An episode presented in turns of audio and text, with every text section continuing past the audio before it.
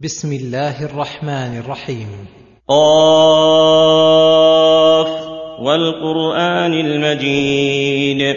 يقسم تعالى بالقرآن المجيد أي وسيع المعاني عظيمها كثير الوجوه كثير البركات جزيل المبرات والمجد سعة الأوصاف وعظمتها وأحق كلام يوصف بهذا هذا القرآن الذي قد احتوى على علوم الأولين والآخرين الذي حوى من الفصاحة أكملها ومن الألفاظ أجزلها ومن المعاني أعمها وأحسنها وهذا موجب لكمال اتباعه وسرعة الانقياد له وشكر الله على المنة به ولكن أكثر الناس لا يقدر نعم الله قدرها ولهذا قال تعالى بل عجبوا أن جاءهم منذر منهم فقال الكافرون هذا شيء عجيب. بل عجبوا أي المكذبون للرسول صلى الله عليه وسلم أن جاءهم منذر منهم اي ينذرهم ما يضرهم ويأمرهم بما ينفعهم وهو من جنسهم يمكنهم التلقي عنه ومعرفة أحواله وصدقه.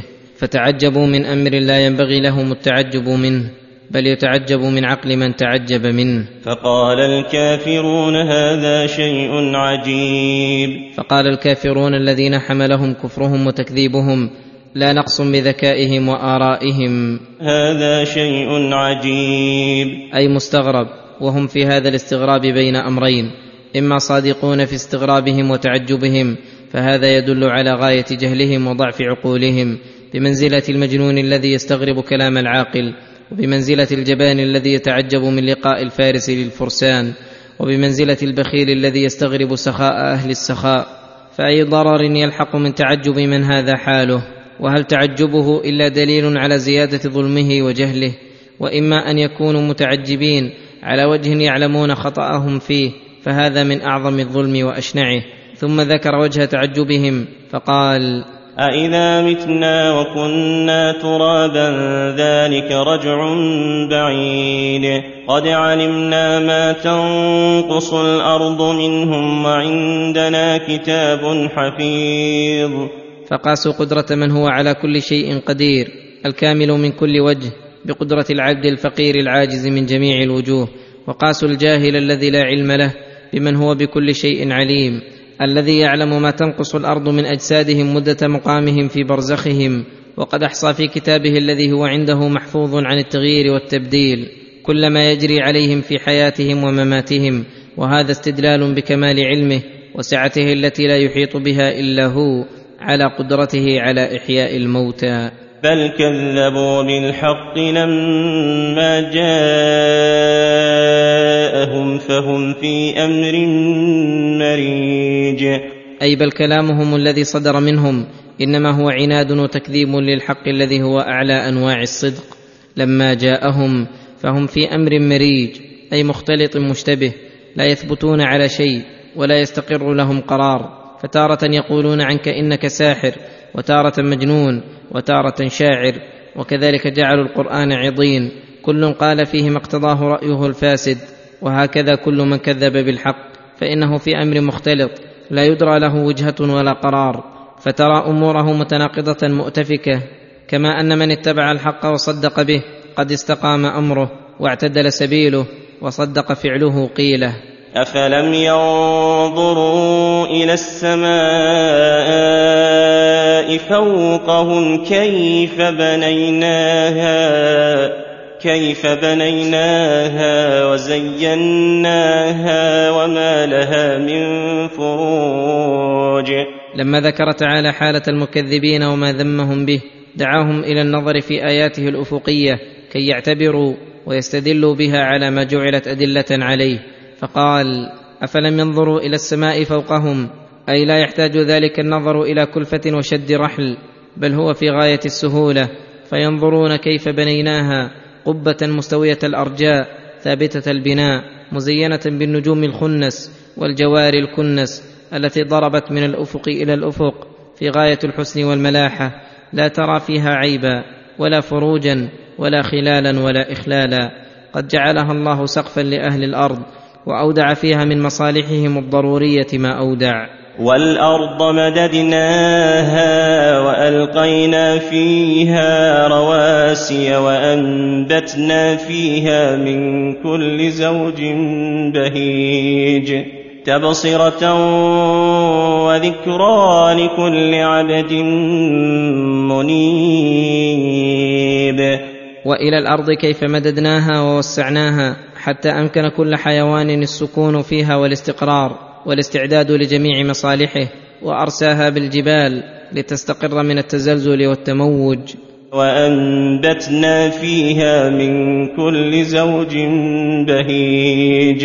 أي من كل صنف من أصناف النبات التي تسر ناظرها وتعجب مبصرها وتقر عين رامقها لأكل بني آدم وأكل بهائمهم ومنافعهم. ونزلنا من السماء ماء مباركا فأنبتنا به جنات وحب الحصيد والنخل باسقات لها طلع نضيد رزقا للعباد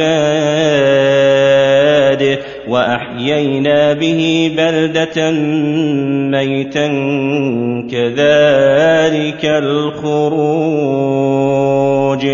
وخص من تلك المنافع بالذكر الجنات المشتملة على الفواكه اللذيذة من العنب والرمان والأترج والتفاح وغير ذلك من أصناف الفواكه ومن النخيل الباسقات أي الطوال التي يطول نفعها وترتفع إلى السماء حتى تبلغ مبلغا لا يبلغه كثير من الأشجار فتخرج من الطلع النضيد في قنوانها ما هو رزق للعباد قوتا وادما وفاكهة يأكلون منه ويدخرون هم ومواشيهم وكذلك ما يخرج الله بالمطر وما هو أثره من الأنهار التي على وجه الأرض والتي تحتها من حب الحصيد أي من الزرع المحصود من بر وشعير وذرة وأرز ودخن وغيره. فإن في النظر في هذه الأشياء تبصرة وذكرى لكل عبد منيب. تبصرة يتبصر بها من عمل جهل وذكرى يتذكر بها ما ينفع في الدين والدنيا ويتذكر بها ما أخبر الله به وأخبرت به رسله وليس ذلك لكل أحد بل لكل عبد منيب.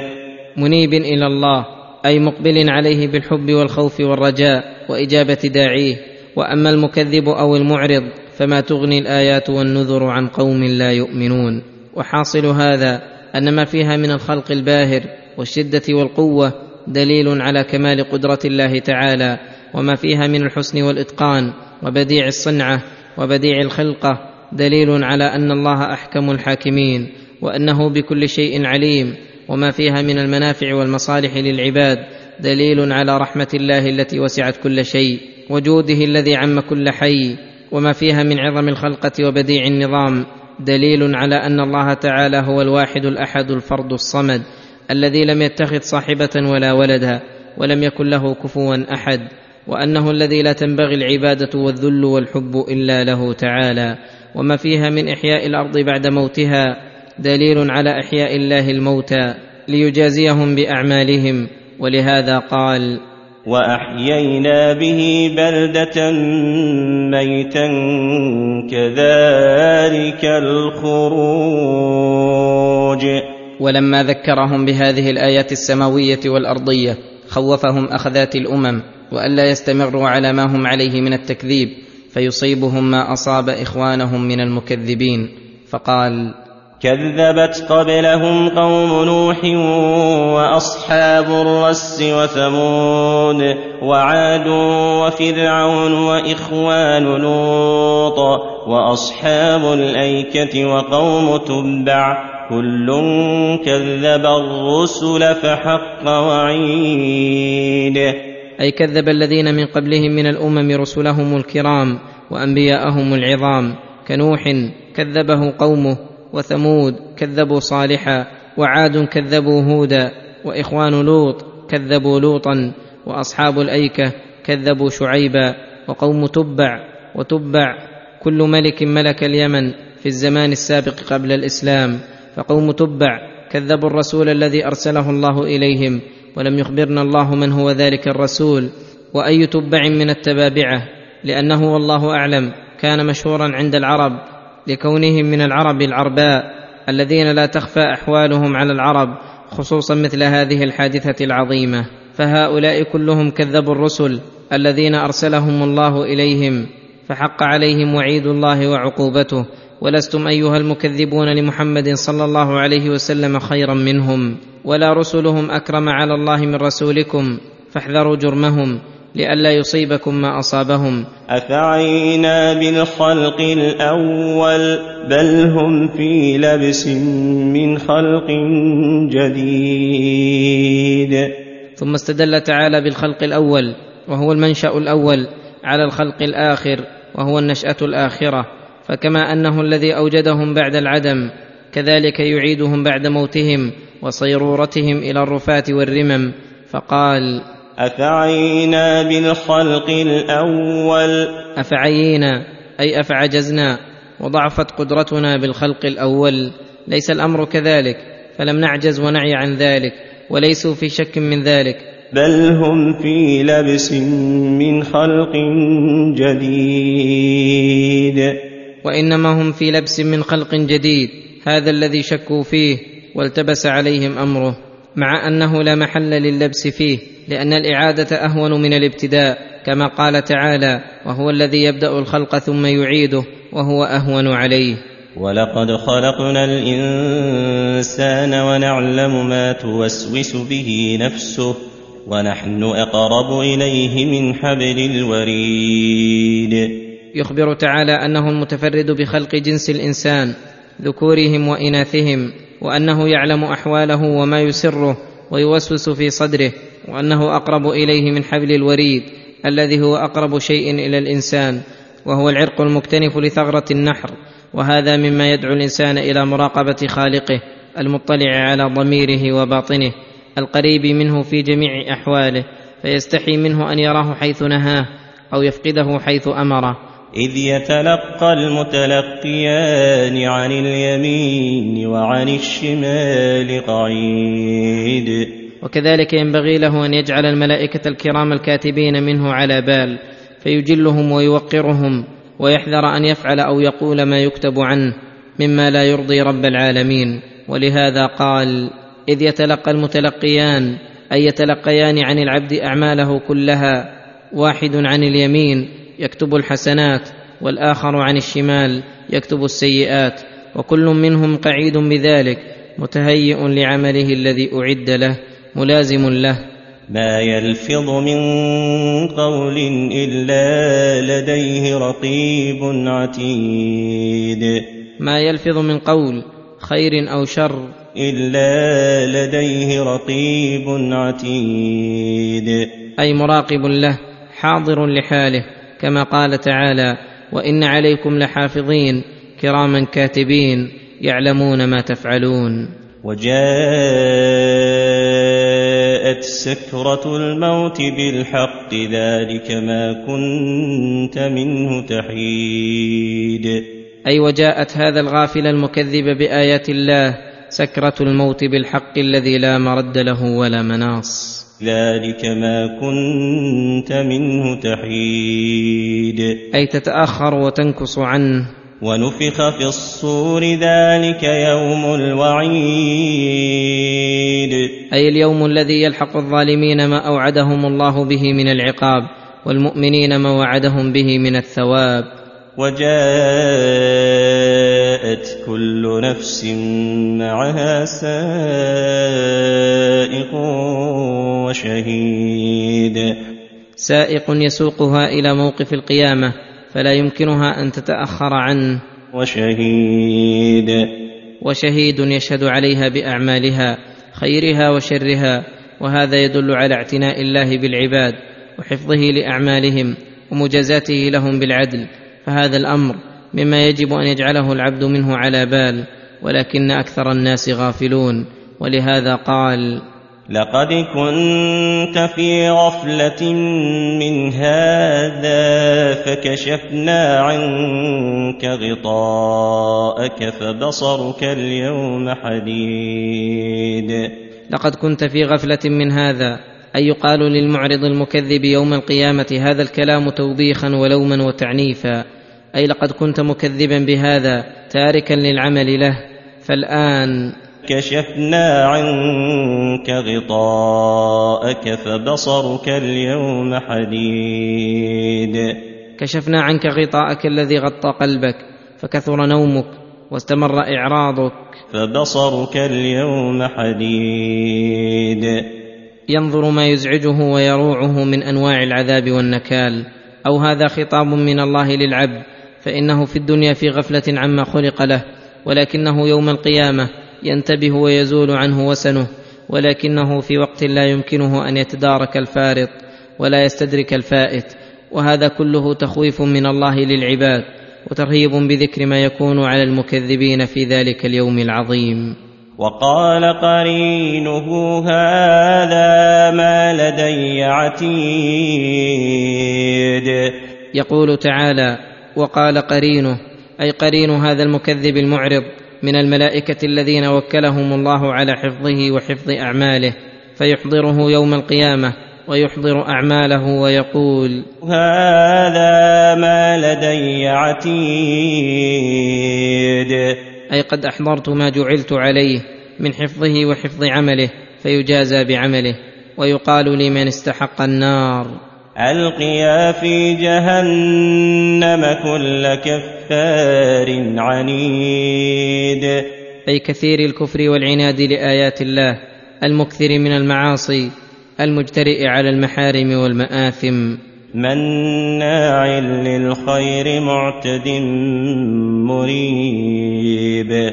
مناع للخير أي يمنع الخير الذي عنده الذي أعظمه الإيمان بالله وملائكته وكتبه ورسله مناع لنفع ماله وبدنه معتد على عباد الله وعلى حدوده مريب أي شاك في وعد الله ووعيده فلا إيمان ولا إحسان ولكن وصفه الكفر والعدوان والشك والريب والشح واتخاذ الآلهة من دون الرحمن ولهذا قال الذي جعل مع الله إلها آخر فألقياه في العذاب الشديد.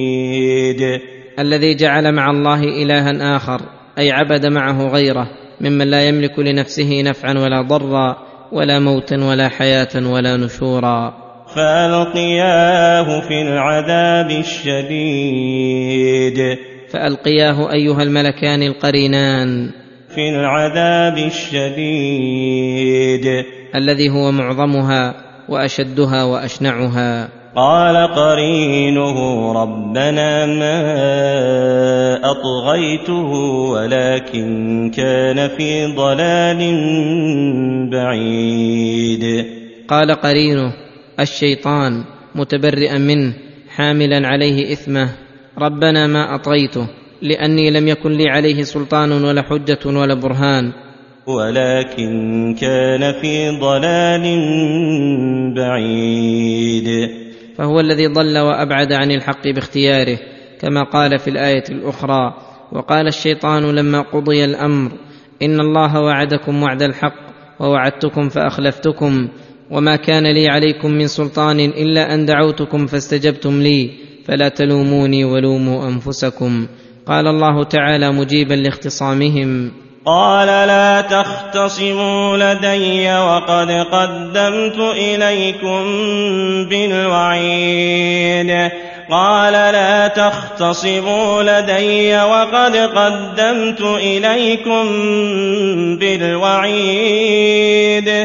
لا تختصموا لدي أي لا فائدة في اختصامكم عندي والحال أني قد قدمت إليكم بالوعيد. أي جاءتكم رسلي بالآيات البينات والحجج الواضحات والبراهين الساطعات فقامت عليكم حجتي وانقطعت حجتكم وقدمتم علي بما أسلفتم من الأعمال التي وجب جزاؤها. ما يبدل القول لدي وما أنا بظلام للعبيد. ما يبدل القول لدي أي لا يمكن أن يخلف ما قاله الله وأخبر به لأنه لا أصدق من الله قيلا ولا أصدق حديثا. وما أنا بظلام للعبيد. بل أجزيهم بما عملوا من خير وشر فلا يزاد في سيئاتهم ولا ينقص من حسناتهم. يوم نقول لجهنم هل امتلأت وتقول هل من مزيد؟ يقول تعالى مخوفا لعباده يوم نقول لجهنم هل امتلأت وذلك من كثرة ما ألقي فيها. وتقول هل من مزيد؟ أي لا تزال تطلب الزيادة من المجرمين العاصين غضبا لربها وغيظا على الكافرين. وقد وعدها الله ملأها كما قال تعالى لأملأن جهنم من الجنة والناس أجمعين حتى يضع رب العزة عليها قدمه الكريمة المنزهة عن التشبيه فينزوي بعضها على بعض وتقول قطن قطن قد اكتفيت وامتلأت. وأزلفت الجنة للمتقين غير بعيد. وأزلفت الجنة أي قربت بحيث تشاهد وينظر ما فيها من النعيم المقيم والحبرة والسرور وإنما أزلفت وقربت لأجل المتقين لربهم التاركين للشرك صغيره وكبيره الممتثلين لأوامر ربهم المنقادين له ويقال لهم على وجه التهنئة هذا ما توعدون لكل أواب حفيظ.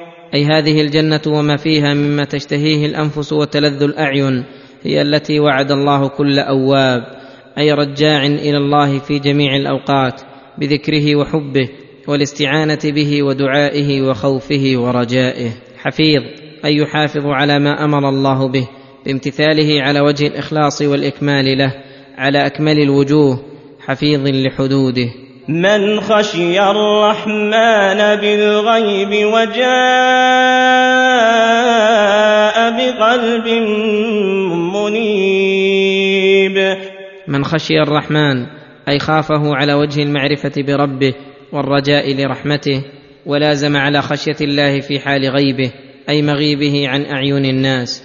وهذه هي الخشية الحقيقية وأما خشيته في حال نظر الناس وحضورهم فقد تكون رياء وسمعة فلا تدل على الخشية وإنما الخشية النافعة خشية الله في الغيب والشهادة ويحتمل أن المراد بخشية الله بالغيب كالمراد بالإيمان بالغيب وأن هذا مقابل للشهادة حيث يكون الإيمان والخشيه ضروريا لا اختياريا حيث يعاين العذاب وتأتي آيات الله وهذا هو الظاهر. وجاء بقلب منيب. أي وصفه الإنابة إلى مولاه وانجذاب دواعيه إلى مراضيه ويقال لهؤلاء الأتقياء الأبرار. ادخلوها بسلام. أي دخولا مقرونا بالسلامة من الآفات والشرور مامونا فيه جميع مكاره الأمور فلا انقطاع لنعيمهم ولا كدر ولا تنغيص. ادخلوها بسلام ذلك يوم الخلود. الذي لا زوال له ولا موت ولا شيء من المكدرات. لهم ما يشاءون فيها ولدينا مزيد. لهم ما يشاءون فيها أي كل ما تعلقت به مشيئتهم فهو حاصل فيها ولهم فوق ذلك مزيد. أي ثواب يمدهم به الرحمن الرحيم مما لا عين رأت ولا أذن سمعت ولا خطر على قلب بشر. وأعظم ذلك وأجله وأفضله النظر إلى وجه الله الكريم والتمتع بسماع كلامه والتنعم بقربه. نسأل الله تعالى أن يجعلنا منهم. وكم أهلكنا قبلهم من قرن هم أشد منهم بطشا فنقبوا في البلاد هل من محيص يقول تعالى مخوفا للمشركين المكذبين للرسول وكم اهلكنا قبلهم من قرن؟ أي امما كثيره هم اشد من هؤلاء بطشا أي قوه واثارا في الأرض. ولهذا قال فنقبوا في البلاد أي بنوا الحصون المنيعه والمنازل الرفيعه وغرسوا الأشجار وأجروا الأنهار وزرعوا وعمروا ودمروا. فلما كذبوا رسل الله وجحدوا آيات الله أخذهم الله بالعقاب الأليم والعذاب الشديد. هل من محيص؟ أي لا مفر لهم من عذاب الله حين نزل بهم ولا منفذ. فلم تغن عنهم قوتهم ولا أموالهم ولا أولادهم. إن في ذلك لذكرى لمن كان له قلب أو ألقى السمع وهو شهيد. لمن كان له قلب أي قلب عظيم حي ذكي زكي فهذا إذا ورد عليه شيء من آيات الله تذكر بها وانتفع فارتفع. وكذلك من ألقى سمعه إلى آيات الله واستمعها استماعا يسترشد به وقلبه شهيد أي حاضر فهذا له أيضا ذكرى وموعظة. وشفاء وهدى. وأما المعرض الذي لم يلق سمعه إلى الآيات فهذا لا تفيده شيئا لأنه لا قبول عنده ولا تقتضي حكمة الله هداية من هذا وصفه ونعته. ولقد خلقنا السماوات والأرض ما بينهما في ستة أيام وما مسنا من لغوب. وهذا إخبار منه تعالى عن قدرته العظيمة ومشيئته النافذة التي أوجد بها أعظم المخلوقات السماوات والأرض وما بينهما في ستة أيام أولها يوم الأحد وآخرها يوم الجمعة من غير تعب ولا نصب ولا لغوب ولا إعياء فالذي أوجدها على كبرها وعظمتها قادر على إحياء الموتى من باب أولى وأحرى. فاصبر على ما يقولون وسبح بحمد ربك قبل طلوع الشمس وقبل الغروب ومن الليل فسبحه وأدبار السجود. فاصبر على ما يقولون من الذم لك والتكذيب بما جئت به واشتغل عنهم والها بطاعة ربك وتسبيحه أول النهار وآخره. وفي أوقات الليل وأدبار الصلوات فإن ذكر الله تعالى مسل للنفوس مؤنس لها مهون للصبر. واستمع يوم ينادي المناد من مكان قريب. أي واستمع بقلبك نداء المنادي وهو إسرافيل عليه السلام حين ينفخ في الصور من مكان قريب من الخلق. يوم يسمعون الصيحة بالحق ذلك يوم الخروج. يوم يسمعون الصيحة أي كل الخلائق يسمعون تلك الصيحة المزعجة المهولة بالحق الذي لا شك فيه ولا امتراء. ذلك يوم الخروج. ذلك يوم الخروج من القبور الذي انفرد به القادر على كل شيء ولهذا قال إنا نحن نحيي ونميت وإلينا المصير يوم تشقق الأرض عنهم سراعا ذلك حشر علينا يسير يوم تشقق الأرض عنهم سراعا أي عن الاموات سراعا أي يسرعون لاجابه الداعي لهم إلى موقف القيامه. ذلك حشر علينا يسير أي هين على الله يسير لا تعب فيه ولا كلفة. نحن أعلم بما يقولون وما أنت عليهم بجبار. فذكر بالقرآن من يخاف وعيد. نحن أعلم بما يقولون لك مما يحزنك من الأذى. وإذا كنا أعلم بذلك فقد علمت كيف اعتناؤنا بك وتيسيرنا لأمورك ونصرنا لك على أعدائك فليفرح قلبك ولتطمئن نفسك ولتعلم أننا أرحم بك وأرأف من نفسك فلم يبق لك إلا انتظار وعد الله والتأسي بأولي العزم من رسل الله. وما أنت عليهم بجبار. أي مسلط عليهم إنما أنت منذر ولكل قوم هاد ولهذا قال فذكر بالقرآن من يخاف وعيد. والتذكير هو تذكير ما تقرر في العقول والفطر من محبة الخير وإيثاره وفعله ومن بغض الشر ومجانبته وإنما يتذكر بالتذكير من يخاف وعيد الله وأما من لم يخف الوعيد ولم يؤمن به فهذا فائدة تذكيره إقامة الحجة عليه لئلا يقول ما جاءنا من بشير ولا نذير.